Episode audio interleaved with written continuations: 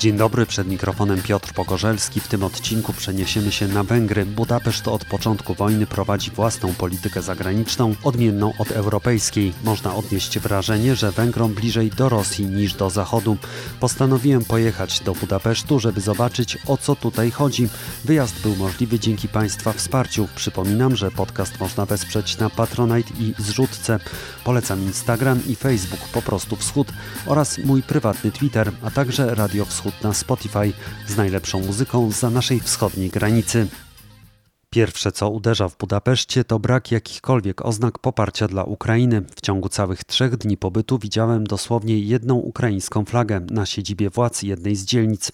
Żadnych wstążek na plecakach, żadnych plakatów czy nawet flag na kartkach A4 w oknach. Nic. Na ulicach też niemal nie słychać języka ukraińskiego, jeśli już to rosyjski. Wiktoria Petrowska pochodzi z Ukrainy i od lat mieszka na Węgrzech. Kieruje obecnie ukraińskim stowarzyszeniem Jedność, które organizuje wiele wiele imprez mających na celu wsparcie Ukrainy. Ja sobie sama dla siebie tak coś sklała takie. Są trzy klasy społeczne: najbiedniejsza, średnia i elita. Najbiedniejsza klasa wierzy w zwycięstwo Ukrainy i że za wojnę odpowiada Rosja. Średnią klasę bym podzieliła na pół. Najwyższa klasa w garniturach i krawatach jest chyba prorosyjska. Średnia i wyższa klasa są przekonane, że za tę wojnę odpowiada Ameryka. Tak powie co drugi mieszkaniec Węgier. Oni nie powiedzą dlaczego, ale tak mówią. Вони не можуть дати точної відповіді, чому, але w, w цій wojnie, w Орщині wynowata Ameryka. Zapewne mówią tak dlatego, że taki jest przekaz państwowych mediów. Z ciekawości wszedłem na jeden z najpopularniejszych prorządowych portali Origo. W sobotę na pierwszym miejscu była pilna informacja, że nad Europę przemieszcza się radioaktywna chmura zupełnie jak po Czarnobylu. Gdy ją otworzyłem, dowiedziałem się, że źródłem informacji jest Kreml, a winni temu są Amerykanie, którzy przekazują Ukrainie pociski z zubożonym uranem. Oczywiście ani w polskim, ani w ukraińskim internecie nikt tych bzdur nie powtarzał. Węgierski krajobraz medialny jest zdominowany przez prorządowe media. Jeśli spojrzymy na telewizję, to jedynie dwa kanały są krytyczne wobec władz, należący do niemieckiego właściciela RTL oraz ATV, którego właścicielem jest jeden z kościołów ewangelickich. Prasa regionalna jest w pełni kontrolowana przez koncern medialny życzliwy wobec władz. Z ogólnokrajowych mediów są pojedyncze dzienniki i tygodniki krytyczne w stosunku do rządzących. W internecie walka jeszcze trwa. Rządząca partia Viktora Orbana, Fidesz, stawia przy tym na politycznych influencerów, którzy przygotowują materiały wideo na Facebooku, YouTubie, a ostatnio także TikToku. Zajmuje się tym ośrodek Megafon, którego finansowanie nie jest do końca jasne, ale można przypuszczać, że stoją za nim węgierskie władze bądź osoby z nimi powiązane. Ondraż Bironacz, dyrektor think tanku Policy Solutions zwraca uwagę, że media mają ogromny wpływ na to, jak Węgrzy widzą wojnę. Jego ośrodek przygotował badanie opinii publicznej, które zostanie opublikowane na początku czerwca. Nie może zdradzić liczb, może jednak mówić o tendencjach. The foreign policy orientation of the Hungarians is still pro-West. Orientacja Węgrów jest wciąż prozachodnia, mimo propagandy i przekazu, z którym występuje Viktor Orban i rząd. Węgrzy popierają członkostwo swojego kraju w Unii Europejskiej i NATO. Rządowi udało się jednak ukształtować opinię na temat wojny. Gdy ludzie są pytani o sankcje, czy są potrzebne, żeby okiełznać Rosję, to powtarzają, że gospodarka państw Unii Europejskiej bardziej ucierpiała w ich wyniku niż gospodarka Rosji. To jest wyraźny efekt antysankcyjnej kampanii Orbana na którą władze wydały miliardy forintów. Formalnie jest to informacja rządowa. Kolejna kwestia to to, kto wygra, czy Rosja, czy Ukraina, czy front zostanie zamrożony. Okazuje się, że więcej Węgrów wierzy, że Rosja zdobędzie nowe terytoria, czyli obrazek, który widzimy w mediach związanych z Orbanem jest prorosyjski i ci, którzy czerpią informacje z nich, otrzymują materiały takie jak w Russia Today. Nie potrzebujemy Russia Today na Węgrzech, bo mamy węgierską telewizję publiczną i to nie przesada. Czyli większość zwolenników Fidesu uważa, że Rosja jest w stanie zdobyć zdobyć więcej terytoriów na Ukrainie i sankcje bardziej uderzają w Unię Europejską niż w Rosję. Sądzą też, że Viktor Orban ma dobrą strategię, bo chce być z dala od konfliktów i stara się być neutralny i chce zakończyć sankcje.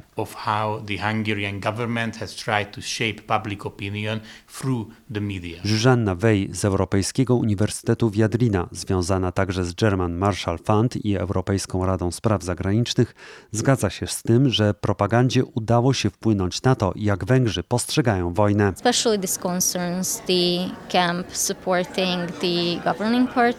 Przed zeszłorocznymi wiosennymi wyborami dotyczy to przede wszystkim grupy wspierającej Fidesz.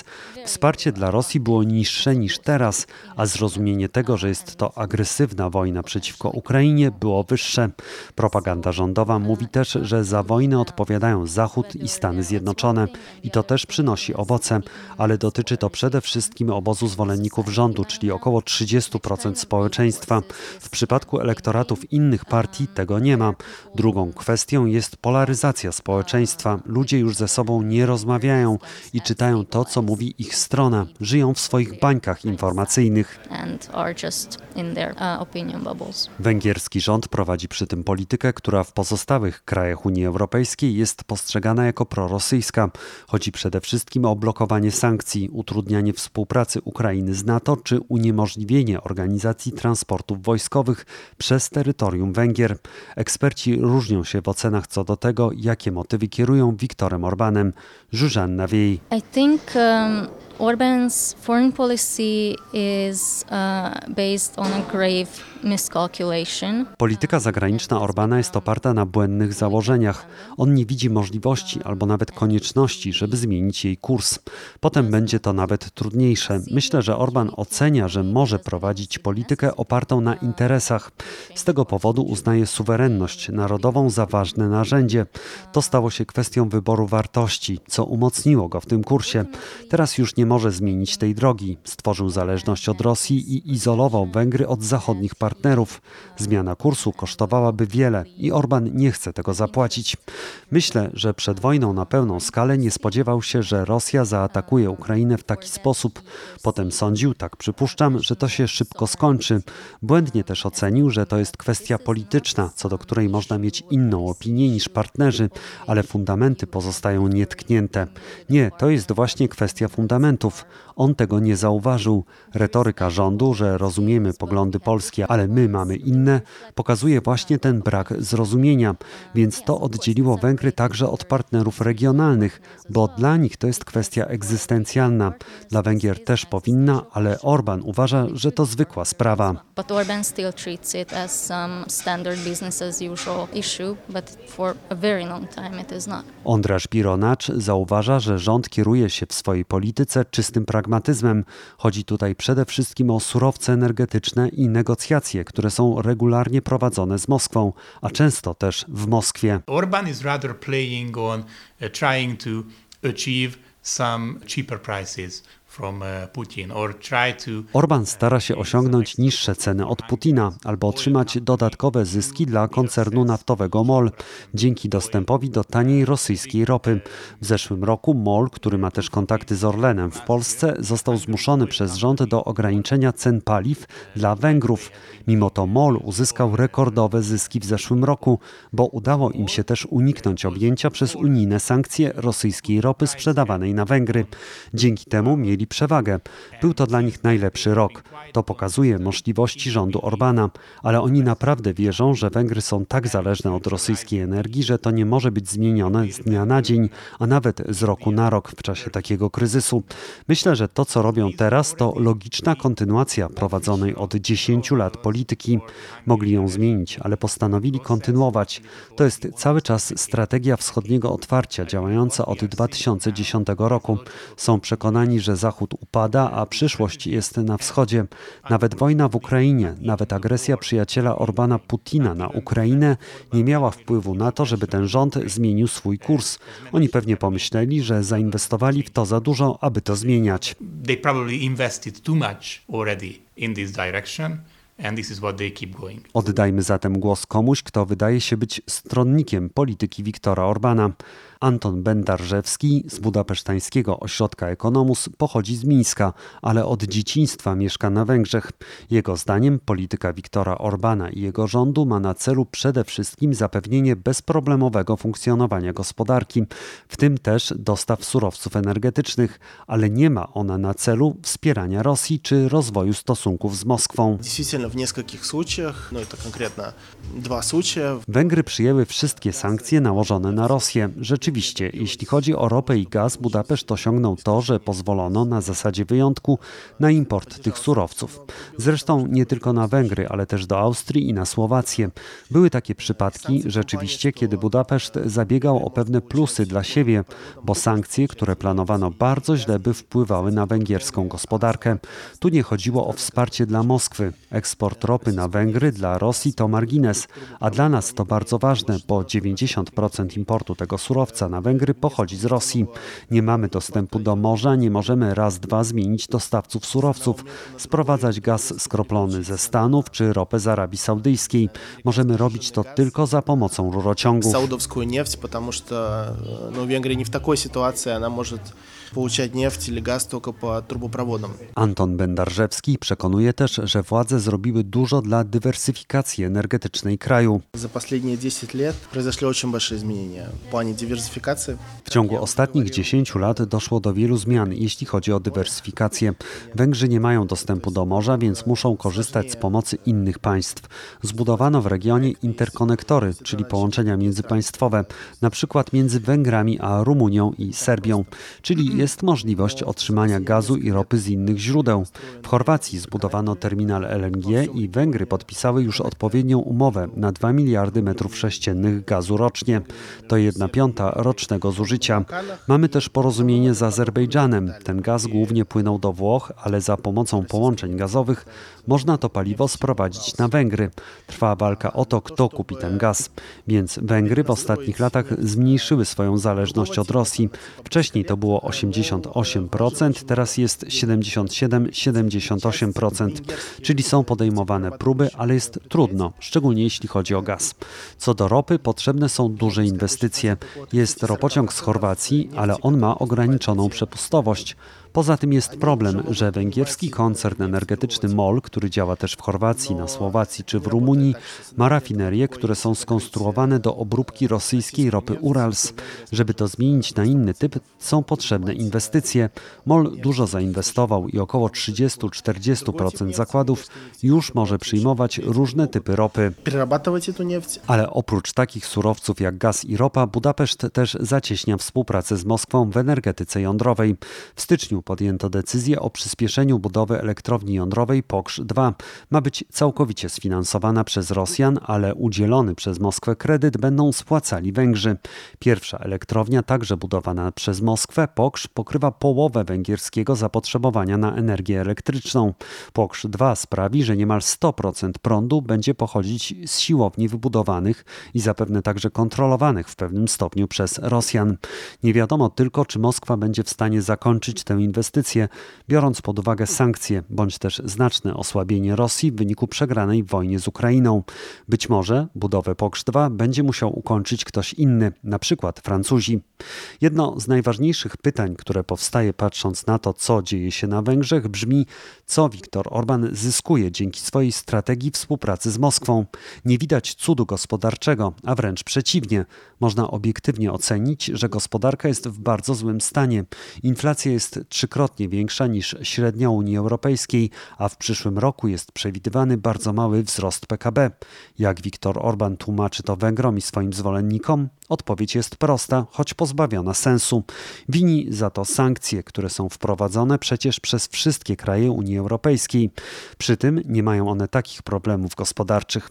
Tak o tym mówi Ondraż Bironacz, dyrektor think tanku Policy Solutions. Hungary, in fact, is living. Węgry tak naprawdę są w kryzysie gospodarczym i kryzysie wzrostu kosztów życia. Największym problemem jest inflacja w wysokości 25%. To jest największa inflacja w Unii Europejskiej, gdzie średnia wynosi 8%. W tej sytuacji Viktor Orban spotkał się z wyzwaniem, kogo o to obwinić. To jest jego ulubiona zabawa znaleźć kozła ofiarnego, żeby winić go za pomyłki swojego rządu. Są tu dwa wyjścia: oskarżyć Rosję za rozpoczęcie wojny, podwyższenie cen surowców energetycznych i mówić, że z powodu wojny są kłopoty. Drugie wyjście to to, które wybrał Orban oskarżyć Unię Europejską i politykę sankcyjną. W propagandzie rządowej mówi się, że to inflacja sankcyjna. Dla wyborców Fidesu to wystarczy.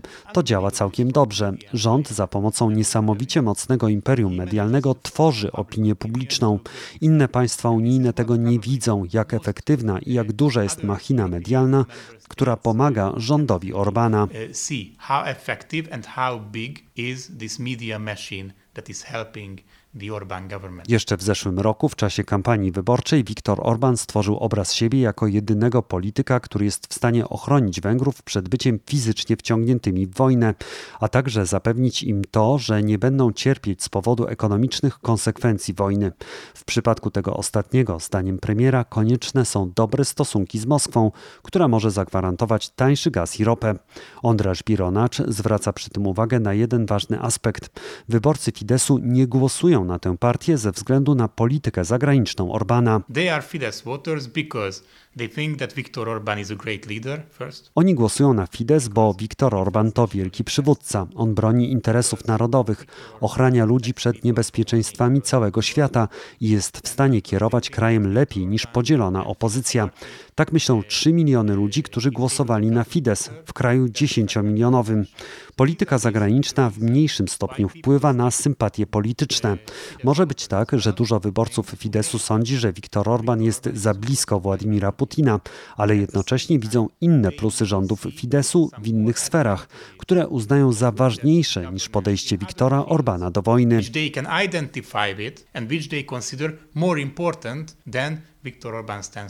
Na Węgrzech pojawiają się też głosy, przede wszystkim w środowisku skrajnej prawicy, obecnej w parlamencie partii Nasza Ojczyzna, Micho Zank, mówiące o tym, że Ukraina powinna zgodzić się na ustępstwa terytorialne wobec Rosji, aby przerwać wojnę.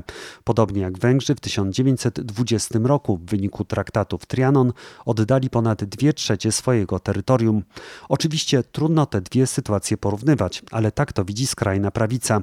Miklosz Mitrowicz, historyk i polonista z Instytutu Historii w Budapeszcie, zwraca przy tym uwagę, że taka narracja może nie być samodzielną inicjatywą nacjonalistów. Pojawiła się ta narracja i myślę, że to jest, nie jest niezależna narracja od rządu węgierskiego, ale taka jest linia, że najpierw takie pomysły pojawiają się na stronie skrajnej prawicy, sprawdzą jaka jest opinia społeczeństwa i jeśli nie zauważają protesty, większą protesty, potem powoli te pomysły zostają się częścią polityki rządu. Moich rozmówców pytałem też o to, jak Węgrzy widzą zbliżenie z Rosją w kontekście krwawej rozprawy przez Związek Radziecki z rewolucją 1956 roku, w czasie której zginęło co najmniej 2,5 tysiąca Węgrów domagających się uniezależnienia od Moskwy.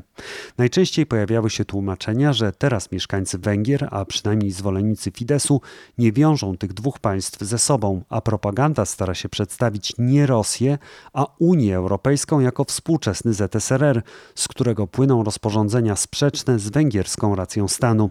Miklosz Mitrowicz zwraca uwagę także na zmianę narracji historycznej. Chodzi o tym, że Węgrzy chcieli wywalczyć swoją niepodległość. Najpierw spod Habsburgów, potem spod Związku Radzieckiego ale w ostatnich latach, w czasie uroczystości w tych dniach, pojawiła się interpretacja ze strony rządu, że Węgrzy tylko, czyli rewolucjoniści, chcieli tylko osiągnąć porozumienie pokojowe z Habsburgami, a potem Związkiem Radzieckim. Czyli to jest falsyfikacja e, historii przeciw e, faktów e, historycznych, ale pojawiła się ta narracja w oficjalnych e, przemówieniach nawet w, re, w rewolucji 56, że w Budapeszcie rewolucjoniści, młodzi ludzie chcieli osiągnąć porozumienie pokojowe. Fakty mówią o tym, że Węgrzy walczyli przeciw niewoli, nawet y, z bronią walczyli przeciw y, tankom i nie zauważyłem, że ta narracja wywołałaby y, jakiś protest ze strony społeczeństwa węgierskiego, ze strony historyków. Pozycja Budapesztu wpłynęła też na stosunki węgiersko-polskie i to nie tylko na poziomie politycznym, o czym pisał ostatnio portal Direct36. Miklosz Mitrowicz mówi mi, jak to wygląda z jego perspektywy. Po eskalacji wojny wszystko zmieniło się. Najpierw Polacy trochę czekali, bo na Węgrzech właśnie była przedwyborcza kampania, ale wydawało się, że po wyborach, e, kiedy Fidesz znowu zyskał e, większość mandatów, nic nie zmieniło się w polityce zagranicznej. Rząd e, dalej nie wspierał walkę Ukraińców. W Polsce wszystko zmieniło się. Można zauważyć, że nie jesteśmy zaproszeni do większych imprez kulturalnych, nie jesteśmy zaproszeni do do współpracy naukowej i tak dalej. Na najwyższym poziomu prawie nie ma żadnego poważnego kontaktu. Oczywiście są, ale, ale to tylko fasada, to nie ma poważnej rozmowy, poważnych kontaktu nie ma.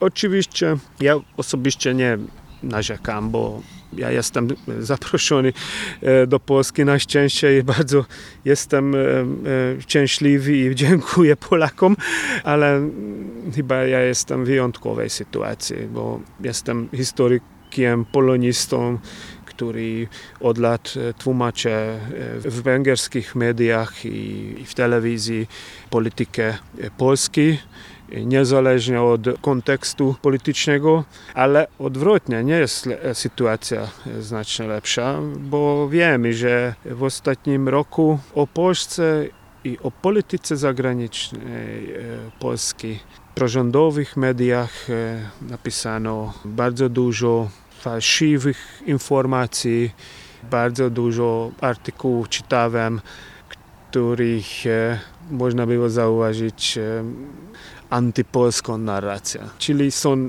dziennikarze na Węgrzech, e, którzy regularnie piszą coś przeciw Polsce, że Polacy chcą wybuchnąć e, trzecią wojną światową i Polacy tak bardzo nienawidzą Rosjanów, że nie interesują ich nic, tylko pokonanie Rosji.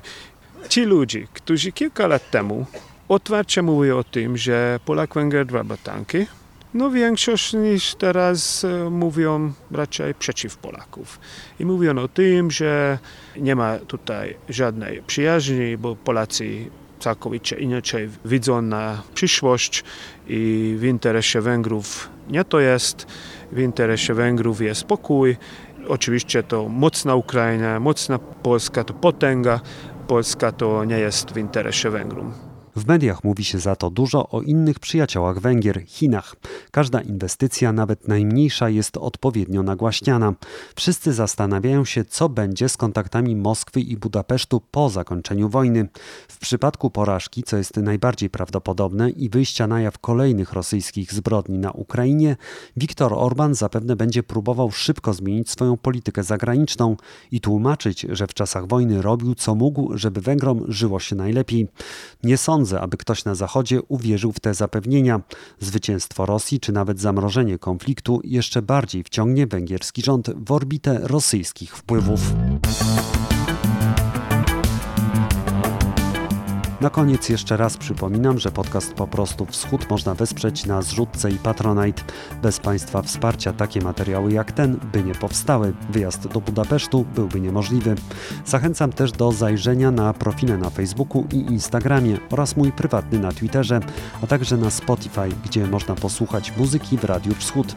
Do usłyszenia żegna się Piotr Pogorzelski.